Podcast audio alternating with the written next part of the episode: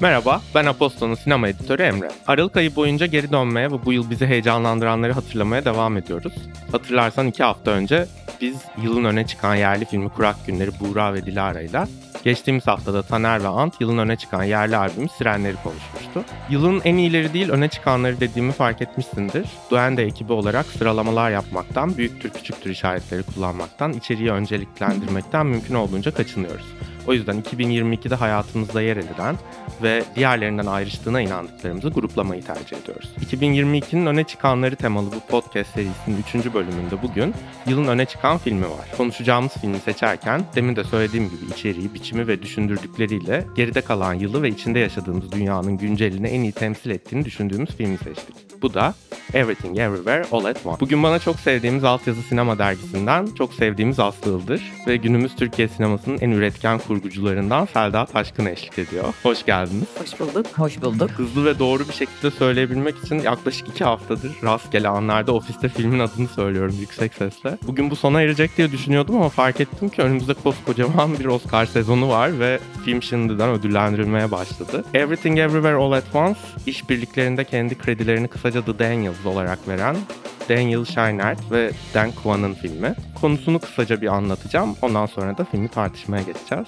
Filmin konusunu anlatacağım dedim ama hani ne söylesem bu filmi tam olarak yansıtması katiyen mümkün değil. Michelle Yeoh'un canlandırdığı Evelyn gençliğinde Çin'deki ailesini karşısına alıp sevgilisi Waymond'la Amerika'ya taşınmış. Yıllar sonra yetişkin kızlarıyla arası açılmış. İşte işlettikleri bir çamaşırhane var o vergi borçlarından dolayı sıkıntıda. Babası bir yandan hastalığın ardından Amerika'ya onların yanına taşınmış. Ona bakmak zorunda. Bir sürü sıkıntısı olan biri. Bir yandan da eşi ondan boşanmak istiyor. Bunu söyleyeceği günle vergi denetlemesine girecekleri gün aynı güne denk geliyor. Bir yandan da kızı çıkıp kız arkadaşının yanında getirerek babasının doğum günü olan aynı günde bir karambolün içine sürükleniyorlar kısacası. Böylesi zor ve stresli bir günde başka bir evrenden geldiğini söyleyen Alpha Waymond evrenin kurtarılması için tek çarenin Evelyn olduğunu söylüyor ve film bir anda aksiyondan komediye, melodramdan bilim kurguya ne ararsanız her şeyin her yerde aynı anda olduğu bir şeye dönüşüyor. Aslı senle başlamak istiyorum.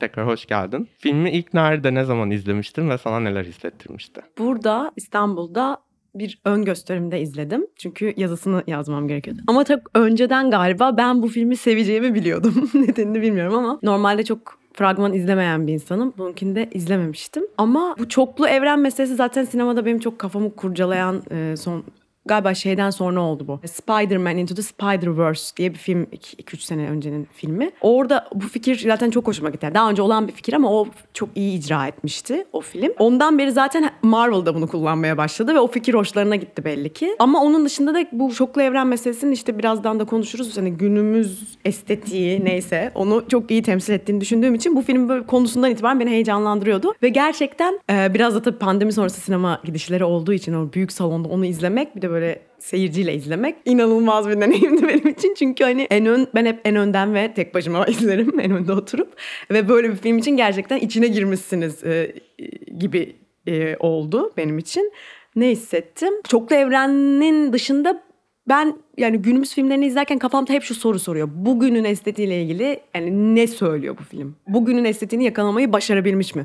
Daha filmin üçün, ikinci bölümüne geçmeden aha bu film olmuş dedim. Yani bu film bir şey yapmaya çalışıyor dil olarak, biçimsel olarak. Ee, bir şeyi yakalamaya çalışıyor e, diye hissettim. O yüzden çok heyecanlandım. İkinci izleyişim biraz daha az heyecanlıydı o yüzden. Çünkü o ilk baştaki karşılaşma e, farklıydı benim için.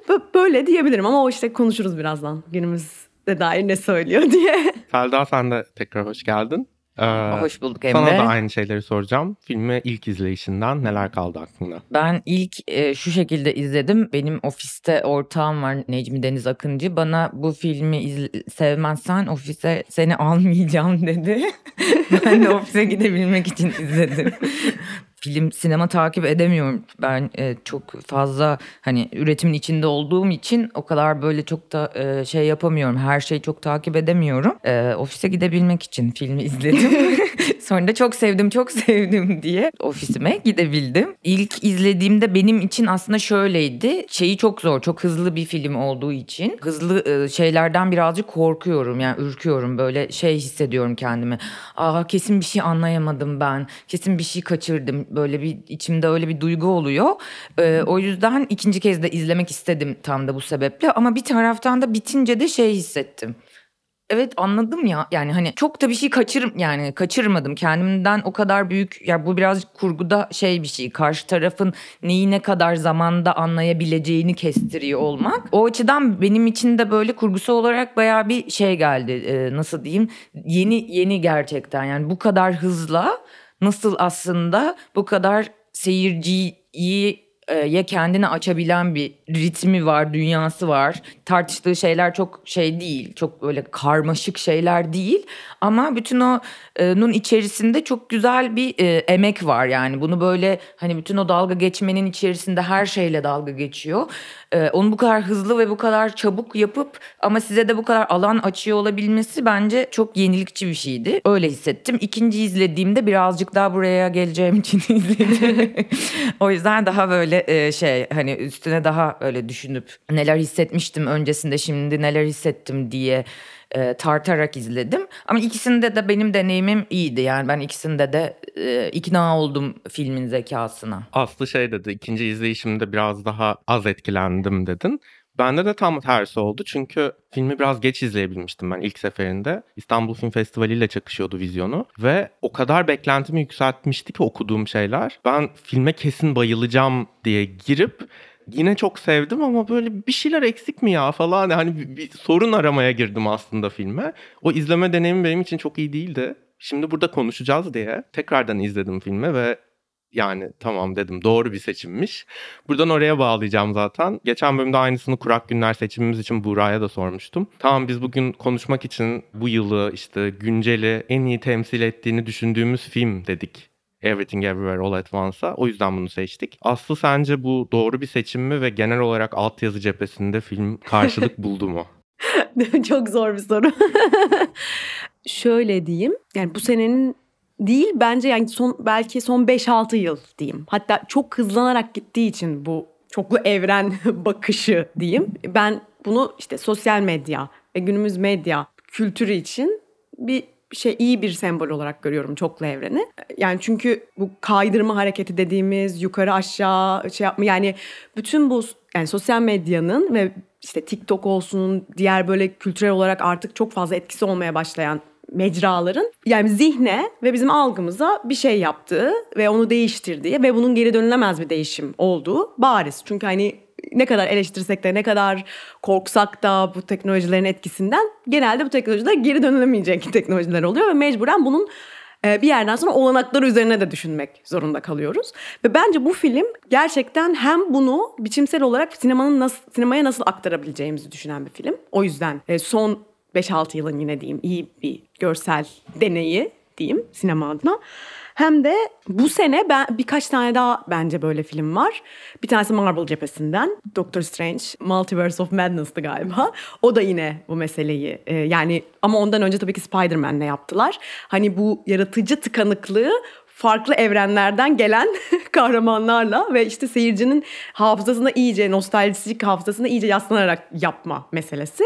Ee, o ana akım cephede de böyle bir şey var. Bu biraz daha ara dere bir cephe. Tam bağımsız değil, tam ana akım değil falan. Ama mesela şeyden de var yani izlediniz mi bilmiyorum ama ayrılma kararı da Park Chan-wook'un Decision to Leave filmi de çoklu evren yok ama estetik olarak hızla hareket eden bir film. Yani yavaş yavaş başka cephelerden bunu deneyen e, yönetmenler ve sanatçılar gördüğümüzü düşünüyorum. Bu da iki cepheyi birleştiren bir film olarak işte art house ve ana akım diye ayırıyorsak çok bariz bir şekilde.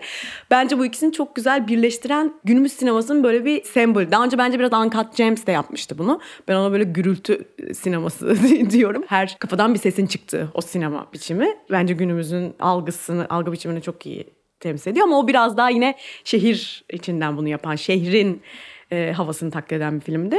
Burada daha gerçekten bugün nasıl bakıyoruz? Her şeyi nasıl görüyoruz? Yani bütün ideolojik olarak ne yaptığının, fikirsel olarak, hikayesi olarak, anlatısı olarak ne yaptığının dışında algı bizim algımız şu anda nereye gidiyor anlamaya çalışan bir film. Ki zaten yönetmenler de bunu söylüyor. Buna me- mega sinema mı öyle bir şey diyorlar böyle. Büyük veri sineması diyorlar. Big data sineması. Her şeyi her yerde aynı anda nasıl temsil edebiliriz gibi. Böyle evet hız ve çokluk. Tam o hız meselesinden senin yazına referans vereceğim. Film üstüne yazılmış en sevdiğim yazılardan bir tanesi. Teşekkür ederim. Dikkatim tamamen üzerinde diye bir başlık atmıştın galiba. O yazıda şöyle bir cümlem vardı. Eğer bize bir tefekkür alanı açan, durmayı ve dalıp gitmeyi öğütleyen bir yavaş sinema varsa elbette ki bunun bir karşı kuvveti olmalı. Her şey her yerde aynı anda her şeyiyle bir hızlı sinema örneği demişsin. Biraz filmin bu hızlı temposu ve nihayetinde kurgusuna doğru yavaş yavaş gideceğiz. Ama filmin bu yılı, bu kuşağı nasıl simgelediğine biraz daha girmek istiyorum aslında. Özellikle bu pandemiden sonra dikkatimiz, işte konsantrasyonumuz çok hızlı dağılmaya başladı. Ben yani işim filmi izlemek olmasına rağmen evde film izlerken gerçekten çok zorlanıyorum. Dikkatim eskisine göre çok daha çabuk dağılıyor ya da çok fazla dikkat dağıtacak şey oluyor etrafta eskisine kıyasla. Ama bu öyle bir film ki yani izin vermiyor. Böyle bir şey izin vermiyor. Kendisi bilinçli olarak izleyicinin dikkatini dağıtmaya o kadar adanmış ki senin dikkatin dağılamıyor belki de. Sen Aslı bu yaklaşımını biraz daha açabilir misin? Ve Selda sen bu dağınıklık konusunda ne düşünüyorsun? Hem hızlı sinema demiştim hem işte gürültü sineması da diyorum. Böyle bir takım uydurduğum kavramlar. Bir de hiper, hiper demiştim. Çünkü kendileri de yönetmenler de hiper diyorlar buna. Böyle bir hiperaktif bir sinema aslında. Her kafadan bir sesin çıktı. Bunu da aslında şey diyorum. e, anlamaktan çok algılamak üzerine bir e, sinema. Çünkü ya, günümüzün yine böyle görme biçimi varsa bunun üzerine bir takım spekülatif laflar ediyorum yani işte tamamen kendi düşüncelerim. Bu çok algı üzerine kurulu çünkü zaten dikkat ekonomisi üzerine kurulu bir şu anda dünya var ve sürekli bizim dikkatimizi üstüne çekmeye çalışan. Yani filmdeki o yazının başlığı da oradan geliyor. Filmdeki bir cümleden geliyor. Dikkati dağılıyor e, Evelyn'in. E, vergi e, görevlisi şey diyor. Bu orada mısınız falan gibi bir laf ediyor. O da dikkatim üzerinizde tamamen üzerinizde gibi bir şey diyor. Gerçekten sürekli bizim dikkatimizi üzerine çekmeye çalışan böyle hani zaten eskiden de olan ama onun böyle şey yaptığı bir artık doruk noktasına çıktığı bir görsel kültür ve kapitalizm biçimi var diyelim. Burada da filmde de yani belki de benim şimdi sen söylerken düşündüm. İkincide çok sevmememin, çok sevmememin değil. İlkinden daha az sevmemin e, ya da yükselmemin diyelim. Nedeni şu olabilir. Çünkü algı üzerine kurulu olduğu için çok anlamak istemiyorsun bu filmi aslında. Çünkü sen ne dedin hani dikkati dağıtmayı istiyor bir yandan da aslında dikkati üzerine çekmeye istiyor. Dikkati nasıl üzerine çekebilir? Sürekli hız değiştirerek yani sürekli üstüne dikkatini çekmeye çalışarak e, aslında hem dağıtıyor hem topluyor gibi bir şey. O yüzden de o ilk algıda yaptığı o hissi ikincide belki de yapamadı bana. Çünkü o bir kerelik ilk izleyişte olacak bir şeydi. E, çünkü zaten anlamaman gerekiyor belki de bu filmi. Algılaman gerekiyor sadece. Biraz öyle bir şey diyebilirim. Bir de işte bu yine yazıda da bahsetmiştim ama onu da tekrarlamış olayım. Böyle bu yeni teknolojiye hep böyle Black Mirror vari temsillerini görüyoruz bu yeni teknolojinin. İşte nereye gidiyoruz işte hiçbir şeyi düşünemiyoruz dikkatimiz dağılıyor falan filan. E bir de yani tamam ütopik bir yerden bakmayalım hani yine eleştirel davranalım ama bir yere de tutunmak gerekiyor. Sıp tıpkı e, filmdeki o Joy'un yani yeni jenerasyonu işte Z jenerasyonu falan temsil eden bu karakterin dağılmış ve hiçbir yere tutunamıyor olması. Ya bir yerden tutunmak gerekiyor diyor e, yönetmenler. Ve filmdeki seçtikleri tutunma yöntemi birazcık e, Hollywood. Aile ve işte bilmem ne vesaire. Ama bunu da bence bilerek yapıyorlar. Hani zaten filmin sevilmeyen taraflarından bir tanesi oydu. Tüm bu dağınıklıkta bir tane tutunma noktası. Joy'a ve seyirciye verdikleri. Hala.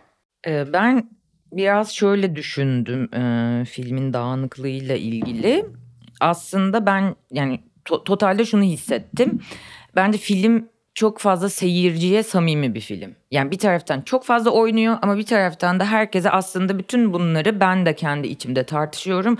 Tam senin kafandaki şeyleri ben de yaşıyorum, biz de yaşıyoruz gibi bir açıklığı var. Yani öyle bir samimiyeti var bence filmin. Bence o yüzden aslında bu kadar insanların e, kendisini yani böyle bir üsttenliği de yok. Çok da yani çok dalga geçiyor ama dalga geçtiği her şeyle de e, aslında bir ilişki kurmuş ve dalga geçiyor bence. Bütün sinema tarihiyle de öyle işte e, bir şekilde aile meselesiyle babayla falan filan da öyle. Ama bunları çok emek vererek yaptığı için sen e, kar, ben, ben iz, izlerken şey yapamıyorum. Ay bir takım ukala tipler kendi absürt dünyalarında takılmışlar gibi bir şey yok. Bunun üstüne bayağı oturmuşlar, çalışmışlar, düşünmüşler ince ince ve emek vermişler. Hani bunu üretmek için de emek vermişler. Oradaki bir sürü şey tesadüf değil bence de. İşte mesela hani filmin vergi dairesinde geçiyor olması, kadının ailenin göçmen olması falan filan bunların hani ve bunların temsiliyetleri böyle şey de değil yani alıp koymuşlar gibi de değil. Yani kendi dünyasına çok içkin aslında. O yüzden bence e, kurguyla ilgili de şunu söyleyebilirim. Filmin kurgusu senaryosuna içkin bence. Bu ne demek? Ben de uyduruyorum Aslı gibi böyle bir takım şeyler ama benim hissettiğim şey kurgu gerçekten senaryoyu takip ederek yani senaryoda ve yönetmenler ya da neyse bütün bu projenin bence başarısı da öyle bir şey. Oyunculuklar ve e, bütün mekanlar, VFX'ler falan filan mesela VFX'lerle ilgili çok fazla çalışılmış. Herkes ince ince oturup bunun içkinliğiyle ilgili emek vermişler. Nasıl ne kadar bu, bu dağınıklık içinde tutarlı olunabilir ile ilgili bütün hepsinde. Çünkü bence aslında çok basit bir tartışması var yani işte yeni jenerasyon, eski jenerasyon falan filan ve bunlar aslında gittikçe gittikçe bir yerde böyle Aa, tamam bir bir o tartışmanın tarafı oluyorsun, bir öbür, öbürkün tarafı oluyorsun falan filan. Ee, ama hepsinin ürettiği şey karşıtlıklarla çok güzel bir e, ritimle akıyor yani. Baya böyle bence şey yapmış e, gibi geldi bana kurgucu da baktım daha önce neler yaptığını aslında böyle müzik videoları falan e, yapmış. Bir şekilde yani karşı tarafı seni tanıyorum ve biliyorumu senaryosuyla da kurgusuyla da benim de kafam dağınık benim de bu sorularım varla da e, tutabildiği için böyle kurgusunu senaryoya içkin diye yorum ben de öyle bir şey uydurdum. Ee, sonu ile ilgili benim tabii sorunlarım var. Yani ben çok e, böyle aile e, sevgi falan böyle şeyleri sevmiyorum. ee, yani e, hani sonunda bir şekilde annesiyle kızın e, birbirine işte e, şey yapması, sarılması ve işte sevgi kazanacak e, falan filan e, gibi bir yerden.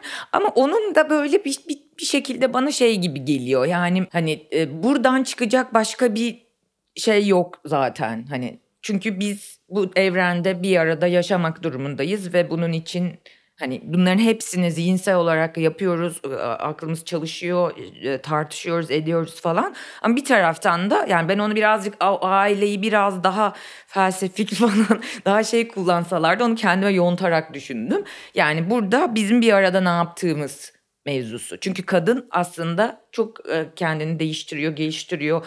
İşte bir şekilde kızının partnerini onun lezbiyen olmasını kabul ediyor ve onu dedesiyle tanıştırıyor falan filan ve sonunda şey diyor. E tamam kendi gelişimini tamamlamışsın anne ben ne yapayım diyor mesela. Ve bunun üstüne tekrar bir şey e, yani o yüzden ben böyle çok basit bir ay tamam sevgi aile yerine bunu birazcık daha burada ne yapmamız gerekiyor bu evrende e, gibi bir yerden okumak istedim. Yoksa yani ben de öyle aile maile sevmiyorum. Ee, ya aslında dediğin gibi çok varoluşsal malzeme çok fazla var filmde. Yani o Everything Bagel'ın simgelediği şeyler tek başına. Yani şeyden çok eminim. Daniel'lardan bir tanesi New York'ta bir bagelciye girmiş bir gün. Everything Bagel etiketini görünce böyle her şeyi mi koymuşlar üstüne diye kendi kendine dalga geçip oradan dallanıp budaklanmış gibi duruyor film. Ve film de yani her şeyi tek bir filmin içine koymak üstüne oluyor ama bir yandan da diyor ki Joy bir bagel'ın üzerine her şeyi koyarsan bir gerçeği fark edersin. Hiçbir şeyin anlamı olmadığını diyor.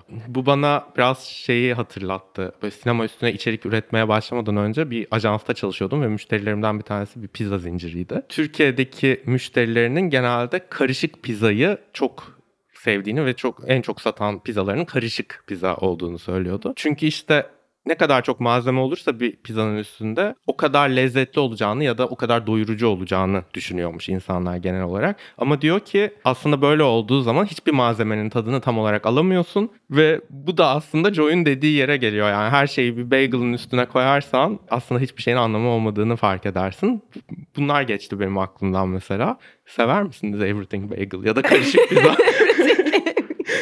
bir şey. Ama böyle şey her şeyi ve bütün hayatları, kendimizin olabileceği her şeyi, bütün versiyonlarımızı, her şeyi görüyoruz ya aslında orada çünkü. Bir, bir kaydırıyorsun işte Antarktika'dan bile bir insanın günlük hayatındaki bir şeyi görebiliyorsun falan. O yüzden o mekansal her şeylik, mekansal everything bagel halini çok güzel anlatmışlar bence bu filmde. Yani o farklı versiyonlarını görüp aslında hiçbiri olduğunu görmek ekranın ve işte Instagram'ın karşısında vesaire. Bir yandan da aslında filmin yapısal olarak üç bölümü var. İşte Everything, Everywhere, All at Once. Bunlar filmin tam adını oluşturuyor ama aynı zamanda üç bölümünün ismi. Ben biraz şöyle hissettim bunda. Filmdeki her türlü çatışmanın kaynağına indiğimizde Evelyn'le babası ve Evelyn'le kızı arasındaki çatışmalar var. Ama sanki Everything kısmında daha çok bir kuşak çatışması izliyoruz. Yani bir yandan da belki de filmin şu an sosyal medyadaki kuduran bir kesim var film ödül aldıkça işte çok progresif, çok liberal, çok Z kuşağı buluyorlar filmi. Ve anlamlandıramıyorlar aslında niye bu kadar beğenildiğini. Film aslında o X kuşağına ya da tırnak içinde boomerlara şey diyor. Evren senin kavrayabileceğinden çok daha büyük bir yer diyor. Ya da işte Joy annesiyle karşı karşıya geldiğinde diyor ki bu evrende kafayı taktığın şey hala kızlardan hoşlanıyor olmam mı? Buna inanamıyorum diyor. Bu kısımda aslında bir kuşak çatışması izliyoruz. Sonra ikinci bölümde Everywhere kısmında artık böyle bir villain ve kahraman değil karşı karşıya gelenler direkt bir anne kız karşı karşıya ya da direkt bir anne ve babası, anne ve büyük baba karşı karşıya gibi geliyor. Sanki daha mommy issues, daddy issues eksenine iniyormuş gibi, daha kişiselleşiyormuş gibi o ikinci kısımda. Sanki böyle babam gibi olmayacağımlar ya da kızım benim gibi olmasınlar üstünden ilerliyor. Böyle bir tematik ayrım yapabiliyor musunuz filmin üç kısmı arasında? Bence yani çok basit bir şey aslında ama söylediğin o iki bölüm arasında şöyle tatlı yani böyle aslında kızı olduğunu bilmiyoruz en başta Joy'un. İşte bir takım böyle the kötü ana antagonist. Yani evrendeki bütün çatışmanın ve gerilimin ve bütün aslında işte birbirinin nemesisi olan kahraman ve onun düşmanının bir anne kız olması bence inanılmaz tatlı bir buluş. Daha önce yapılmamış bir şey değil ama ya böyle hem ya filmin aslında şu şeyiyle de çok güzel uyuşuyor. Her şey aslında hiçbir şeydir lafı var ya. Ve dolayısıyla aslında e- bir de şey lafı var ya. Evrende küçük e, bir yerde geçiyor galiba o şey sahnesinde, kaya sahnesinde. Evrende küçük salak bok parçalarıyız yani. Ama işte bir yandan da bu atom ve evren meselesinde yani aslında atomun kendisi de bir evren falan. Yani bir anne kız ilişkisi bütün evrenin sembolü olabilir. O anlamda bence güzel bir şey geçiş ilk bölümden ikinci bölüme geçiş. Kuşak çatışması olarak da filmde böyle birkaç tane sembol an var bence. İşte en sevdiğim anlardan mesela işte kadının çatladığı, algısının çatladığı ve ayna gibi çatladığı. Diğeri de tam Joy düşecekken onu tuttuğu ve geriye çektiği sahne. Aslında bunu tabii ki jenerasyonlar üzerinden düşünmek durumunda kalıyoruz. Çünkü Z jenerasyonunda bir kırılma var bence öncesine şeyle. Çünkü bütün evrenleri ve bütün şeyleri görebiliyorlar. Bütün olasılıkları. Onların içine doğdular çünkü biraz öyle. Ve bütün hepsinin farkında olmanın şöyle bir şeyi oluyor bence. Anne ve babandan, ebeveynlerinden, ailenden daha çok erken yaştan itibaren daha fazla şey bilmek. Ve onlardan daha hızlı bir şekilde ayrılmak gibi bir şey. Ee, bu yüzden hatta şu birisi şey demişti. Kim demişti acaba? Twitter'da görmüştüm galiba. Farkında mısınız işte Pixar filmlerinde ve birçok filmde çok fazla çocuklarından özür dileyen aile ve ebeveyn figürü görmeye başladık diye. Yani en son galiba bir Red Panda mı öyle bir Turning Red. Turning Red öyle bir film vardı. Hep böyle artık orada orada bir kırılma oldu ve bence bu film o kırılmayı da çok güzel anlatıyor. Şunun üzerinden anlatıyor. Gerçekten o annenin, o kızın algısal dünya, algı dünyasını anlaması çok imkansız. O yüzden tek yapabileceği şey bir el uzatmak gibi bir şey yani. Ama bir yandan da bu genel seyirciye söylediği şey de bence düşmeyin tutuyorum sizi. Her, her an dikkatimiz kayabilir ya her an ondan sıkılıp kaydırabiliriz yukarıdaki şeye. Bir tutmayın, bir, bir durun bakın. Bir tutunun bir şey söyleyeceğim size gibi bir şey. Ne söylediği çok önemli değil. Söylediği şey biraz da bayat bence. Ama söyleme, o tutma eyleminin kendisi güzel filmin yaptığı bence. Jenerasyonlar olarak da yani Z jenerasyonu biraz o ben şeye de benzetiyorum. Euphoria. Euphoria'daki jenerasyon o böyle her şeyin çok renkli, çok mutlu, öforik böyle renk renk olduğu şeyi böyle bir sakinleştirmek şeye indirmek, stabilize etmek gibi geliyor. Ben şey e, diye düşündüm iki bölüm arasında anne karakteri üstünden annenin güçlerini kullanmaya başladığında yani ona öyle bir alan tanıyor olması bence çok güzel. Yani o boomer sen yaşlısın sen işte bi, bi, bilmezsin bütün bunları gibi bir yerden değil. Tam da aslında sen de yani o el uzatmak dediği şey bence Aslı'nın senin de güçlerin var sen de beni anlamaya çalışabilirsin gibi bir şey var. İkinci bölümde çünkü onu kadın güçlerini kullanıp onun aa, ne için kullanmaya başlayacağını şey yapıyor, kavruyor ve bu bu açıdan bence aslında o jenerasyon çatışması ile ilgili evet yani çok büyük bir uzaklık var ama zaten biz birbirimizi çok anlamak zorunda değiliz. Hani eskisi gibi yani anlamak ilişki kurmanın bir çeşidi bence. E, o yüzden başka türlü ilişkiler kurabiliriz birbirimizle ve anlamak zaten birebir aynı şeyi deneyimlemek e, e, de olmadığı için yani hani anlayış beklemek ve anlamaya çalışmak yerine belki de hani bir arada ne yapabiliriz'e bakmak. Çünkü ben de aslında kendimi birazcık yani Twitter'ım yok falan bir şey. Biraz boomerlara daha yakın hissediyor olabilirim yani.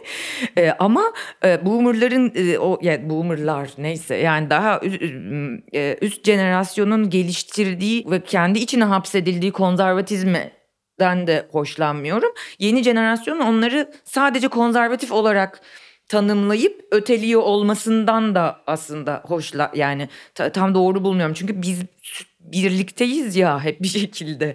Ee, bizim buna bakmamız gerekiyor gibi. Bence o anlamda şeydi yani o diziye göre bence çok daha şeydi. Orada çok daha net suçlamalar, çok daha her şey keskin filandı ve onların çok daha büyük kaybolmuş bir e, hayatları vardı. E, bunda birazcık daha o anlamda sonunun da barışçıl olması filan kötü değildi bence yani şey olarak hani çünkü başka türlüsü nasıl mümkün olacaktı. Benim şey hoşuma gitti ama yani hani kayalıktan atlıyor o da onun peşinden gidiyor filan.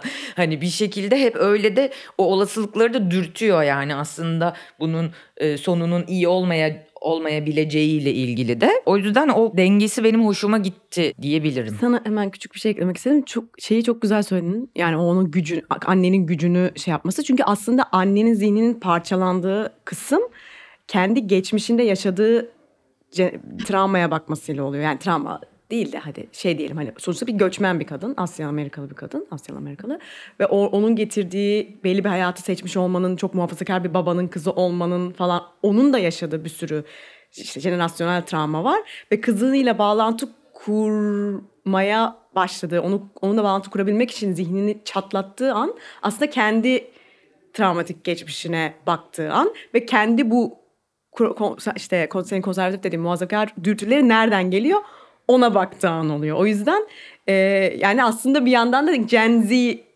yukarıyı değiştirmiş, dönüştürmüş de oluyor. Yani onun kendi geçmişine bastırdıkları şeylere bakmasını sağlamış oluyor gibi bir şey. Bir tane karikatür vardır böyle nesiller boyu işte dede babaya bağırır, baba oğula bağırır. En sonda o zinciri biri bağırmayarak kırdığı zaman orada bir diyalog kurulmaya başladığını ya da işte gelişmeye yol açıldığını görürsün. Ona benziyor biraz aslında yani o Evelyn'in orada kendi babasının kendisine davrandığı ya da o güne kadar kendi kızına davrandığından başka bir yol seçmeye karar vermesi o anı, o çatlama anı ilişkilerini düzelten şey oluyor aslında. Selda bugün seni buraya tabii ki sohbetinden aşırı zevk aldığım için çağırdım ama bir yandan da bu filmi konuşurken bu odada bir ışık film kurgusu yapmak olan biri olsun istedim. O yüzden böyle biraz teknik açıdan da bana filmin kurgusundan işte herkes şu an çünkü filmin kurgusu çok iyi diyor. Filmin Hmm. kurgusu neden iyi? Bence film iyi tasarlandığı için iyi. Filmin kurgusu ben. Şimdi yani tabii ki kurgucunun çok büyük bir e, şeyi var ama bence genel olarak yani bu, bu film özelinde her şey çok iyi tasarlanmış. Her şey çok güzel planlanmış. Kendi açıklıklarını da nasıl diyeyim tolere edebilecek bir şeyi var. Filmin yapısı var yani çok uzun aslında. Çok kesmeli. Ama bir şekilde onu hissettirmiyor yani ya da benim için yani. Bir yerlerde böyle şey geliyor tamam hadi artık yoruldum tamam öyle mi olacak böyle mi olacak? filan. Ama bir taraftan da böyle aa daha bu kadar mı olmuş? Ya hani böyle bir e, garip bir zamansal şeyi var bence. E, hızlı katlar ve daha geniş tuttuğu şeyler arasında. Çünkü bence şeyin hesabını çok güzel yapmışlar bunu çekerken de. Nerede bizim de zihnimiz çatlayacak, patlayacak e, filan. Nerede de sakinleşmeye ihtiyacımız var. Ya ben o yüzden böyle bir hani çok seyirciye samimi ve açık dememin şeyi seyircinin zihnini aşağılayan, küçümseyen bir yerden değil. Tam da böyle hani anlamaya çalışıyor bir yerden yani bizim de zihnimiz patlayacağını hissettiğinde onu sakinleştirebilen e, bir e, şeyi var ritmi var. Diğerinde çok zorluyor sınırları. Yani minicik e, kesmelerle e, çeşit çeşit görmediğimiz evrenleri gösteriyor. Hani sadece oradan bize işte biz beş tanesini seçiyoruz diyelim ki.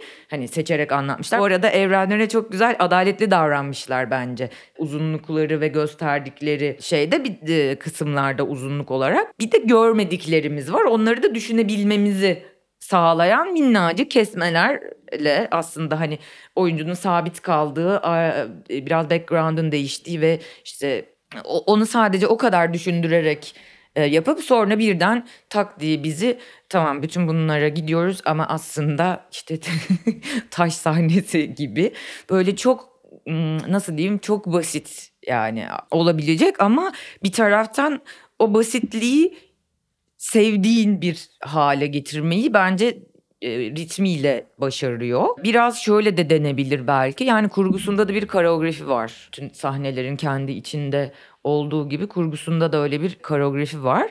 Tabii iyi fil yani iyi tasarlanmış filmi iyi kurgulamak daha olası bir şey. Kötü filmi e, kurgulamak daha e, zor bir şey olabilir.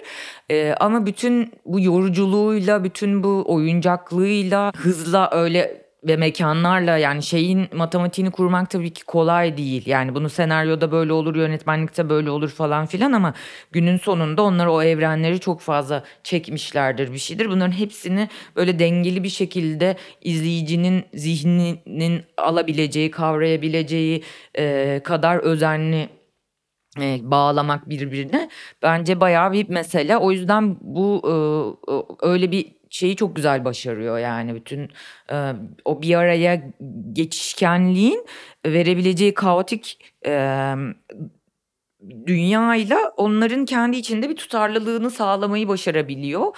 Bence bunda kurgunun çok büyük bir e, şeyi var, katkısı var. Nerede, kimin, ne kadar e, ona ne kadar alan verirsen o imajla ilişki kurabileceğini yani seyirciye de bir taraftan aslında çok yükleniyormuş gibi görünse de güvenen bir şey bu bence. Çünkü bir kat yaparken böyle şey oluyorsun hani "Hmm, ben şimdi biliyorum ya hikayeyi. İnsanlar e, bunu bilmiyorlar ama e, ben şimdi hemen anlıyorum 3 saniyede ama onun belki 5 saniyeye ihtiyacı olacak. Bunu nasıl test edeceğim? Ben artık biliyorum filan hani e, gibi böyle üstüne bir sürü düşünülerek yapılmış. O sadece ay günümüz teknolojisi çok hızlı kat, hızlı katlar sebebiyle olan bir şeyin taklidi değil bence. Yani çok referansları var filmin ama hepsinin içinde çok güzel bir tutarlılık kurmuş. O e, o e, zeka emeğine ve e, de çok bence e, şey saygı duydum ben diyeyim. Ne kadar bağlayabildim bilemiyorum. Ee, peki bu kadar karmaşanın ve bu kadar çeşitli sahneler, çeşitli evrenler, çeşitli karakterler içinde filmdeki sizi en çok etkileyen sahneleri soracağım ya da evrenleri belki. Benim Kaya tabii ben boomer olduğum, boomer olduğum için bir sakinleşmek benim için çok iyi geldi. Ve böyle tam da şey bir anda yaptılar onu böyle. Ya buradan böyle nereye gider acaba ne yapıyoruz filan deyip böyle ay tamam tamam buna çok ihtiyacımız vardı hepimizin. Daha nereye kadar gidebilir ki demişken Evet, bir de belki evet. de böyle bir sakin ve hani buraya kadar gidebiliyormuş dediğin. Yani gerçekten filmde en güldüğüm anlardan birinin sadece altyazının olduğu ve iki kayanın gözüktüğü bir sahne olması ya da işte ağladığım sahnelerden bir tanesinin kafasında rakunla dolaşan bir adamla ilgili olması çok acayip gerçekten. Aslı senin Ya Nedir? benim evren olarak en sevdiğim yönetmenlerden biri olduğu için Von Wai evreni Evet. tabii ki. Ee, Von Wai evreni ama çok basit bir taklit aslında yani çok hani bir de şu şu şu yüzden seviyorum galiba. Aşk zamanı filmini tam aslında böyle zaman zamansal olarak orada hafif yavaşlatıyor falan. Ee, bir yandan kadının orada kung fu yapıyor olması. İşte Von Kar Wai sinemasının çok yavaş gibi gözüküp aslında e, çok fazla dö- dövüş sanatı ritmiyle ev- ilgilenmesi falan orada çok tatlı bir şey yapıyor bence o yüzden seviyorum. Sahne olarak da biraz önce söylediğim o sahne değil ama şey imgeyi seviyorum. E, ik- iki evrenin arasında kaldı ve beyninin çatladığı o a- ayna parçalanmış ayna e, imgesi. O çünkü bence işte en başta da sorduğun soru sadece senenin değil yani günümüzün görme biçimini böyle özetleyen bir imge çünkü. Aynı anda her yerde var olmaya çalışırken beyninin çatlaması gibi bir şey. kesinlikle. O Von Kar evreni filmden benim en sevdiğim sahne aslında. O son sokaktaki konuşmalarında böyle kalbime bıçak gibi saplanan bir cümle var şey diyor. Benim kalbimi tekrar tekrar kırıyorsun ama başka bir evrende seninle çamaşır yıkayıp vergi beyannamesinde bulunmayı tercih, ed- Evet tercih ederdim. tercih ederdim diyor. Ben böyle duygusal laflardan ve duygusal anlardan çok etkilenen bir insan olarak bu filmin içinde de gidip o anı buldum yani. Ama dediğim gibi hani güldürdüğü anların absürtlüğünden ağlattığı anların absürtlüğüne kadar bambaşka bir film gerçekten. Yönetmenlerin bir önceki filmi Swiss Army Man izlemiş miydiniz ve yönetmenlerin oradan buraya geçişi tutarlı bir geçiş mi? Yani çok oldu. Ee, hatta onun üzerine de yazmıştım. Ee, orada da şeyi hatırlıyorum bu tartış böyle sevenler ve sevmeyenler olarak.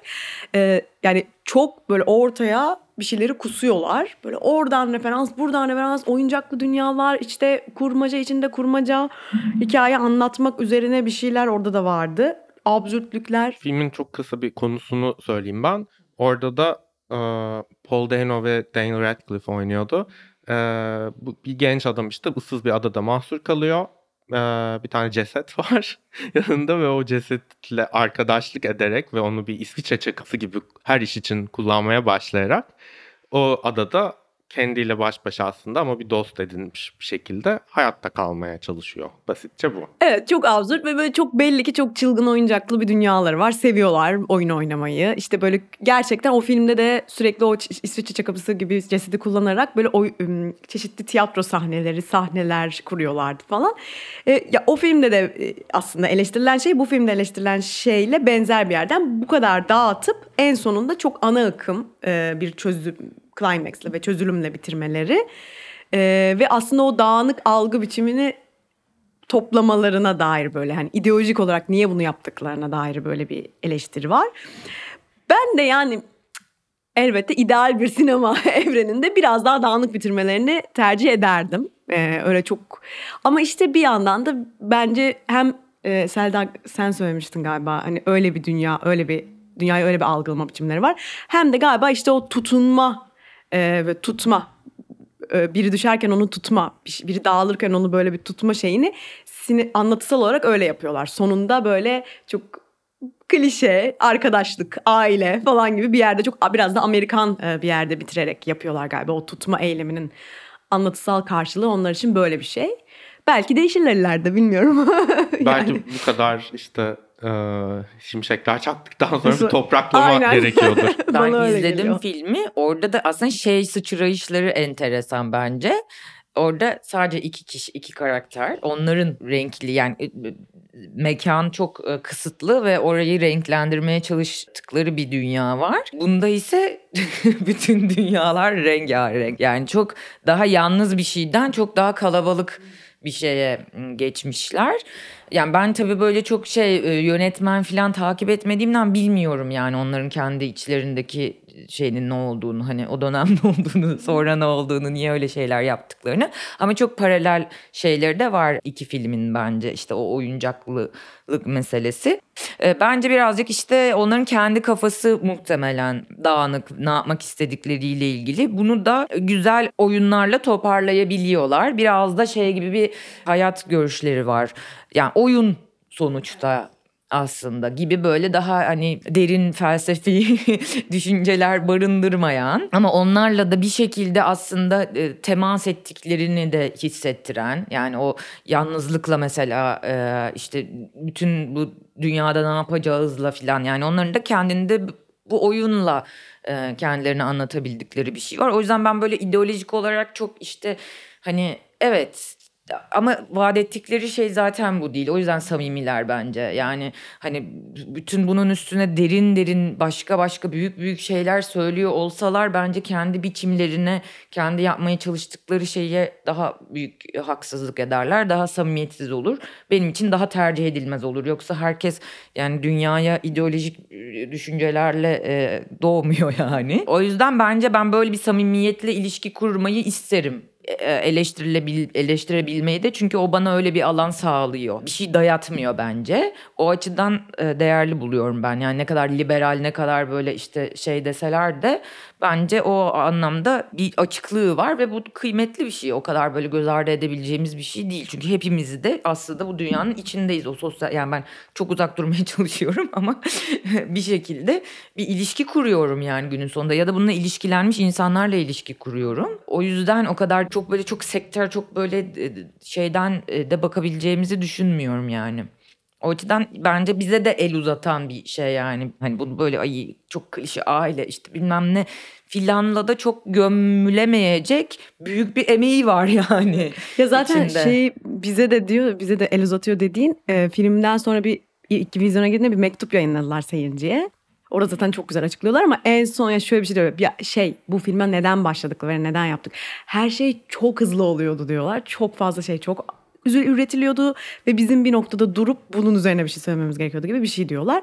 Ve en sonunda da işte bunu yaptık. Umarım biz çok dağınık bir şey yaptık. Umarım bu dağınıklığın içinden e, size bu çoklu dünyayı, evreni, hiper evreni e, anlayabilmeye dair bir vocabulary yani Hmm. kelime dağarcığı e, sağlayabilmişizdir gibi bir şey söylüyorlar. Ve bu da filmde de hatırlarsanız Evelyn e, kızına kızıyla ilgili şöyle diyordu. Benim gibi dağılsın istemedim. Dağınık ama benim gibi dağınık oldu gibi bir şey diyor.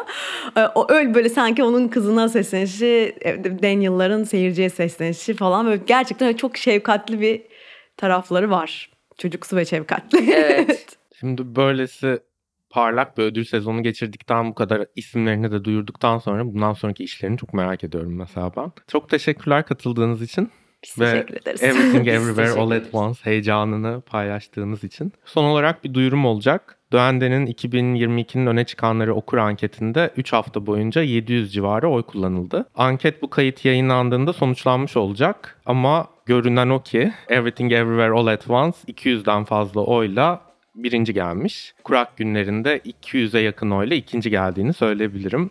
Okurlarımızı kadar tanıyor olmamız ve onlarla hemfikir olup bu iki podcast'i kaydettiğimiz için de ayrıca mutluyum. Müzik tarafında da benzer sonuçlar var gördüğüm kadarıyla. Önümüzdeki hafta Taner ve Koray ve konukları yılın öne çıkan albümüyle ilgili karşınızda olacak. 2023'te görüşmek üzere. Hoşçakalın.